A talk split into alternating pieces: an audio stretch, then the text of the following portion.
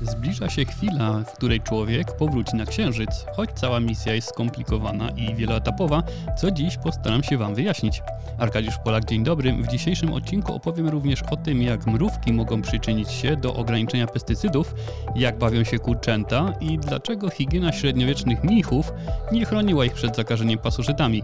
Jeśli odcinek Wam się spodoba, możecie wesprzeć mnie dobrowolną wpłatą, co najłatwiej zrobić w serwisie Patronite, albo udostępnić audycję swoim znajomym, ocenić ją lub skomentować. Bardzo dziękuję za każdą pomoc. Współczesne rolnictwo bez pestycydów obejść się nie może. Zwalczanie owadów, grzybów czy niepożądanych w uprawach roślin jest niezbędne dla utrzymania wydajności i jakości tego, co ląduje na naszych talerzach. Równocześnie te same pestycydy mają negatywny wpływ na wodę, glebę i różnorodność ekosystemów. Dla przykładu to pestycydy są jednym z czynników odpowiedzialnych za zmniejszanie się populacji jakże potrzebnych owadów zapylających rośliny. Zrozumiałe są też obawy przed tym, co chemikalia zawarte w pestycydach robią z ludźmi, którzy jedzą uprawy wspomagane środkami ochrony roślin. I choć wszystkie środki ochrony roślin muszą przejść przez procedury dopuszczające je do użytku, to wiele zależy nie tylko od ich składu, ale także od tego, gdzie, kiedy i w jaki sposób są stosowane. W 2020 roku w Polsce zabiegi środkami ochrony roślin stosowało około 70% gospodarstw rolnych, przy czym najczęściej robiono to w celu ochrony zbóż i sadów. A rok wcześniej sprzedano ponad 65 tysięcy ton pestycydów, głównie sprowadzanych z zagranicy. I to właśnie wysokie koszty importu nawozów i środków ochrony roślin skłoniły rząd Sri Lanki do zakazu ich stosowania w 2021 roku, choć oficjalnie motywowano to próbą przejścia rolnictwa na bardziej ekologiczne. Skończyło się to głębokim spadkiem produkcji rolnej i brakiem żywności. Był to jeden z czynników bankructwa państwa i krwawo tłumionych protestów. Dlatego tak ważne jest racjonalne podejście do tematu ochrony upraw i korzystanie nie tylko z odpowiednich nawozów i pestycydów, ale także z innych metod płodozmianu, stosowania nasion odpornych na szkodniki czy wprowadzanie metod biologicznych. I to właśnie ta ostatnia forma zrównoważonej praktyki rolniczej stała się obiektem nowych badań nad wykorzystaniem mrówek jako naturalnej broni zwalczającej szkodniki. Nie jest to nic nowego, mrówki chroniły choćby chińskie uprawy cytrusów i kakaowce w Ganie, ale walczą także z leśnymi szkodnikami w Kanadzie. Są przecież drapieżnikami, a stawonogi uważane są za ich naturalnych wrogów. Oczywiście mrówki także mogą przenosić patogeny czy zmniejszać ilość zapylaczy, które wykrywają obecność mrówek i niechętnie wówczas świadczą swoje usługi. Dlatego tak ważnym wydaje się zrozumienie wpływu mrówek na uprawy rolnicze. I temu właśnie ma służyć nowe badanie, w którym zespół badaczy z Brazylii, Hiszpanii i USA starał się ocenić wpływ mrówek na liczebność szkodników i wrogów naturalnych, uszkodzenia roślin oraz na plony. Praca jest metaanalizą, co oznacza, że badacze przeszukali opublikowane wcześniej prace badawcze na ten temat, biorąc pod uwagę 52 z nich.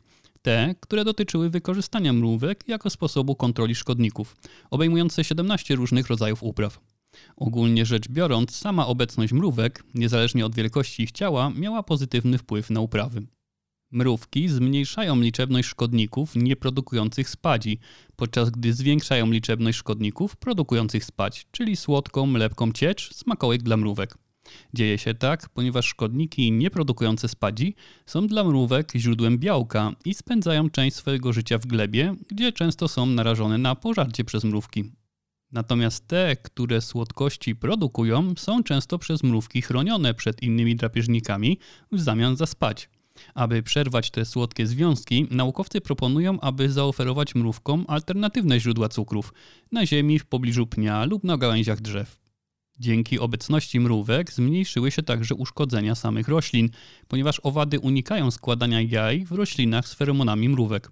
Co ciekawe, największy efekt zaobserwowano na uprawach będących w cieniu. Wskaźnik drapieżnictwa mrówek znacznie wówczas rósł. Metaanaliza wykazała również, że obecność mrówek zwiększa plony.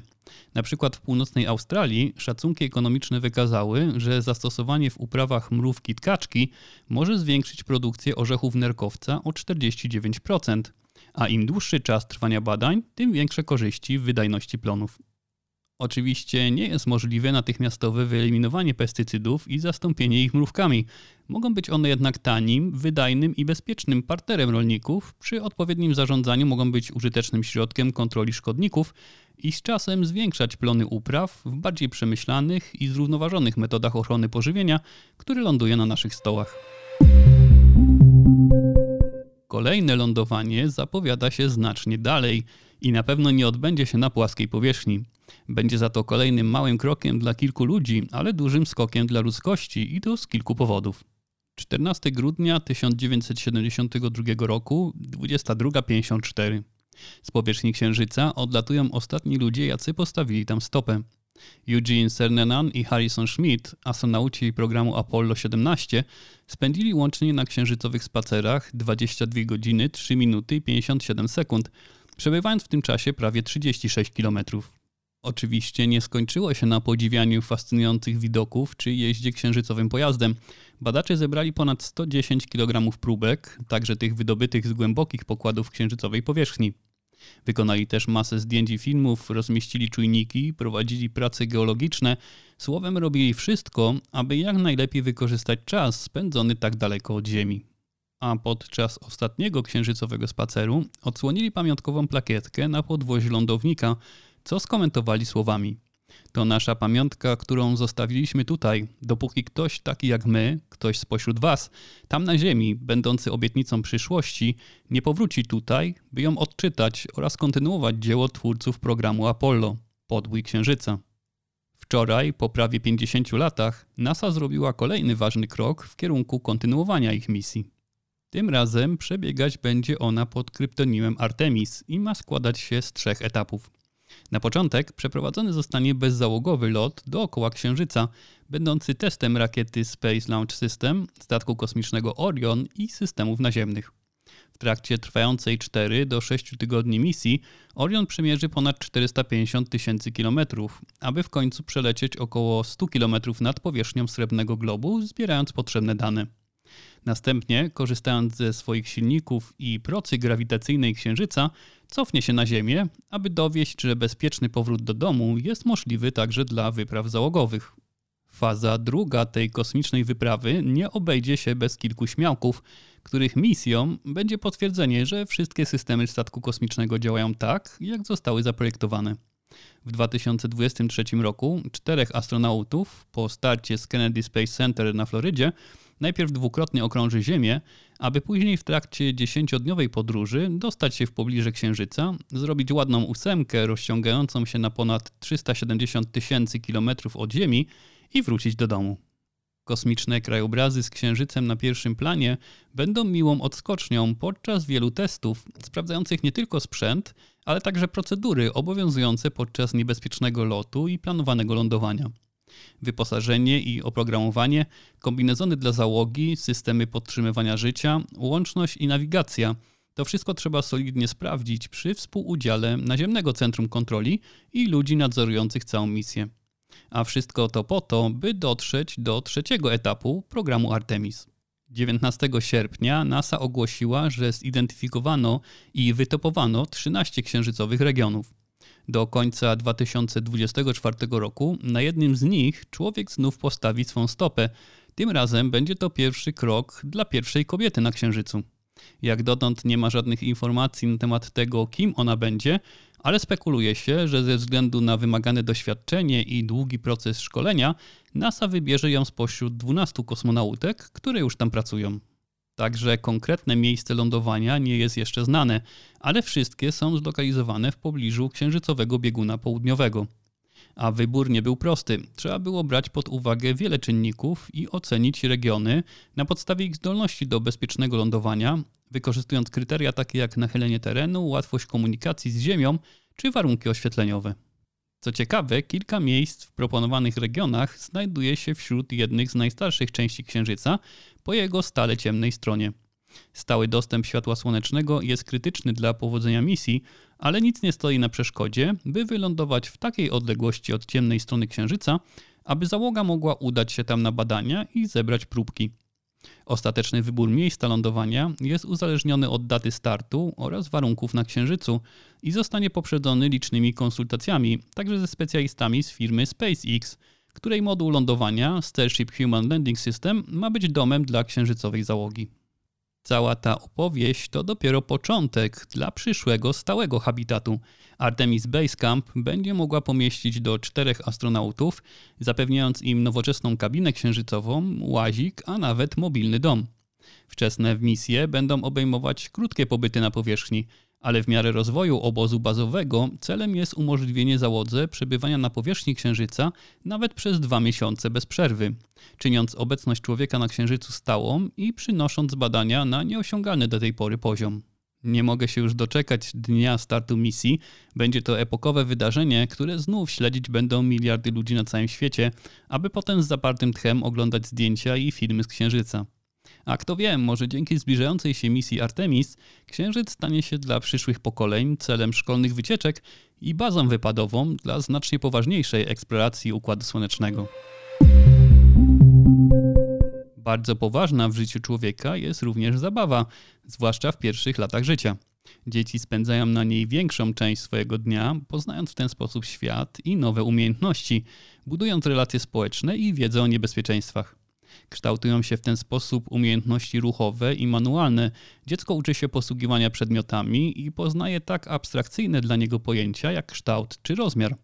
I nabywa cechy społeczne, które wpływają na jego charakter. Uczy się dzielić z innymi, podejmuje pierwsze próby współpracy, poznaje emocje wynikające z działań społecznych, także te negatywne. Także w świecie zwierząt zabawa jest bardzo ważna, pomimo że trzeba tracić na nią energię i bywa śmiertelnie niebezpieczna. Człowiek jest dużo mniej narażony na niebezpieczeństwo pochodzące ze środowiska. Nie mamy naturalnych wrogów polujących na nas, a rodzice zapewniają dzieciom wysoki poziom ochrony. Za to niejedna foka podczas zabawy stała się celem drapieżnika. Młode, nieuważne kozice tracą życie spadając ze skał, a małe słoniątka grzęzną w błotnych dołach. Pomijając już nawet takie niebezpieczeństwa, zwierzęta tracą masę energii na zabawy, ale nie jest to bezpodstawne. Jest to dla nich bowiem szkoła życia, uczą się polowania, ucieczki, rozpoznawania niebezpieczeństw i interakcji z innymi zwierzętami. Czyli dokładnie tego samego, czego uczą się ludzkie dzieci. Przy czym u zwierząt nauka przez zabawę to często kwestia życia i śmierci. Małe pingwiny, symulując zachowania podczas ataku lamparta morskiego, wchodzą na wysokie urwiska i spychają się z nich.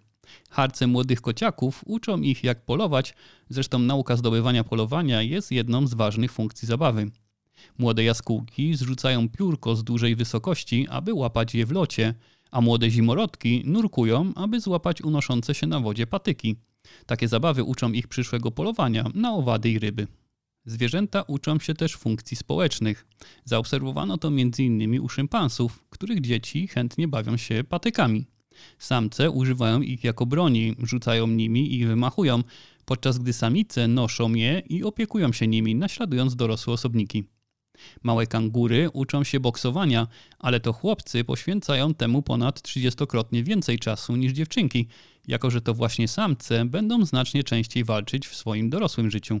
Nowe badanie naukowców ze Szwecji przypatruje się zabawie kurczaków. Badania nad zabawami popularnych zwierząt hodowlanych odbywały się już wcześniej. Sprawdzano, czy zachowania związane z zabawą mają wpływ na dobrostan jagniąt, świń czy cieląt. Wszak chęć do zabawy występuje przede wszystkim wtedy, gdy zwierzę jest zdrowe i wolne od stresu. Zachowania związane z zabawą są wewnętrznie nacechowane pozytywnymi emocjami. A stresujące doświadczenia we wczesnym okresie życia mogą powodować długotrwałe zmiany w dobrostanie kurcząt. Jak bawią się kurczęta? Zabawa wganianego, skakanie i zapasy są najczęstszymi formami zabawy wśród tych udumowionych 8 do 9 tysięcy lat temu ptaków. Dzikim przodkiem kury jest występujący w południowo-wschodniej Azji kur banikwa, a jego udomowienie wiąże się z szeregiem zmian w wyglądzie, fizjologii i zachowaniu. Celem nowego badania było opisanie różnic w zachowaniach związanych z zabawą pomiędzy młodymi kurczętami dziko żyjących przodków kury i udomowionymi oraz ocena skutków stresu napotkanego podczas wylęgu komercyjnego na zachowania związane z zabawą. Zaobserwowano, że udomowione kurczęta znacznie częściej bawiły się przedmiotami znajdującymi się na placu zabaw, podczas gdy dzikie pisklaki angażowały się bardziej w zabawy społeczne i ruchowe. Badacze sugerują, że to udomowienie mogło spowodować, że kurczaki stały się bardziej figlarne i że ta figlarność jest skierowana głównie na obiekty. Pokrywa się to też z innymi badaniami pokazującymi różnice w zabawach między psami i wilkami oraz między dzikimi i udomowionymi świnkami morskimi. Ale różnica w częstotliwości zabaw może też mieć inną przyczynę. Wcześniejsze badania wykazały, że dzikie kurczęta są bardziej bojaźliwe niż kurczęta domowe w szeregu różnych sytuacji, mimo że wykluły się i były hodowane w identycznych warunkach. Jest więc możliwe, że postrzegały one arenę testową i znajdujące się na niej obiekty, jak również przeniesienie z ich domowych kojców jako bardziej przerażające niż udomowione maluchy, co mogło zmniejszyć ich motywację do zabawy. Badanie pokazuje nie tylko znaczenie zabawy w rozwoju zwierząt, ale też różnice pojawiające się po udomowieniu gatunków. Według autorów przyszłe badania powinny się skupiać na sprawdzeniu, czy i jak zabawa kurcząt wpływa później na ilość jaj. Być może zapewnienie kurczakom miejsca do zabawy może zwiększać ich produkcję. Analiza porównawcza jest często stosowanym narzędziem w nauce i czasem przynosi rezultaty inne od oczekiwanych. Tym razem wszystko zaczyna się w średniowiecznej Anglii między X a XVI wiekiem. Człowiek był wówczas narażony na wiele chorób. Wiedza medyczna była wówczas albo szczątkowa, albo bardzo dziwna ale już wówczas medycy wiedzieli o istnieniu pasożytów jelitowych, glist, tasiemców i innych paskudnych stworzeń, mieli nawet propozycje jak z nimi walczyć, stosując aloes i piołun zmieszany z miodem albo sproszkowane pieprzyki, znamiona, które ludzie mają na skórze i które miały być podawane w formie napoju.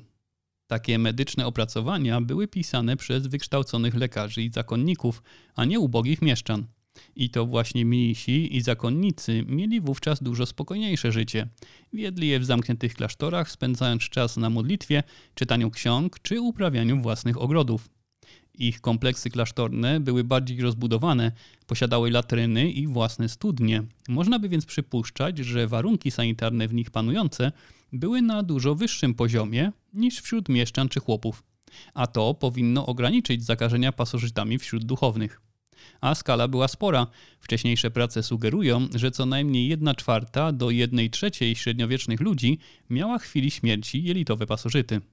Ku zdumieniu naukowców, nowe badanie przeprowadzone na szczątkach 44 średniowiecznych mieszkańców Cambridge wykazało coś dokładnie przeciwnego, bowiem miejscowi zakonnicy byli niemal dwukrotnie bardziej narażeni niż ogół mieszkańców miasta na zarażenie pasożytniczymi robakami jelitowymi. Jak to możliwe? Aby to zrozumieć, trzeba przyjrzeć się obrzydliwemu, uprzedzam, cyklowi życia takich pasożytów. Są to naprawdę paskudne i jednocześnie niezwykle odporne organizmy. Ich jaja składowane są w kale ludzkim lub zwierzęcym i mogą tam przetrwać wiele miesięcy, a nawet lat. Po spożyciu jedzenia lub wody z jajami szybko dochodzi do rozwinięcia się larw w jelicie. Glizdy dojrzewają w wyściółce jelit, natomiast niedojrzałe glizdy wędrują przez tkanki do płuc, gdzie dojrzewają, pełzając drogami oddechowymi do gardła, a następnie są połykane z powrotem do jelit, gdzie przekształcają się w dorosłe robaki i kopulują w jelitach w celu wytworzenia własnych jaj. Szczątki 19 członków zakonu zidentyfikowano dzięki obecności klamer do pasa, wskazujących na pochówek w ubraniu, w przeciwieństwie do 25 osób świeckich, których ciała były nagie podczas pochówku. Spośród 19 braci 58% było zarażonych pasożytami, w przeciwieństwie do osób świeckich, wśród których tylko 32% wykazywało taką infekcję. Autorzy pracy sugerują, że ta różnica może wynikać z tego, że bracia zakonni używali podczas upraw w swoich ogrodach nawozu pobranego z własnych latryn. Co gorsza, zakonnicy mogli też kupować w mieście obornik do nawożenia. Jedząc później plony ze swych ogrodów nawożonych w ten sposób, wystawiali się na większe niebezpieczeństwo zakażenia pasożytem. A zakażeni ludzie korzystali z dostępnych im latryn i tak koło się zamyka korzyści z lepszych rozwiązań sanitarnych znikały z powodu bardziej regularnych kontaktów z odchodami. Takie porównawcze badania podgrup w obrębie jednej populacji, które prowadziły kontrastowe style życia, pomagają naukowcom zrozumieć różnice w ryzyku zarażenia się zakaźnymi chorobami w dawnych czasach, w których zbierały one ogromne śmiertelne żniwo. I pokazują, jak duży wpływ na to ryzyko ma nie tylko medycyna i rozwój nauki, ale także zmiany w rolnictwie, higienie i sposobie życia. I to już wszystko w dzisiejszym odcinku. Na kolejny zapraszam w środę, a w międzyczasie możecie zajrzeć na stronę naukowo.net, gdzie regularnie publikuję przetłumaczone artykuły popularno-naukowe oraz dołączyć do naszej społeczności na serwerze Discord. Wszystkie linki wraz z odnośnikami do źródeł, z których korzystałem podczas tworzenia tego odcinka, znajdziecie w jego opisie. Dzięki za uwagę i do usłyszenia.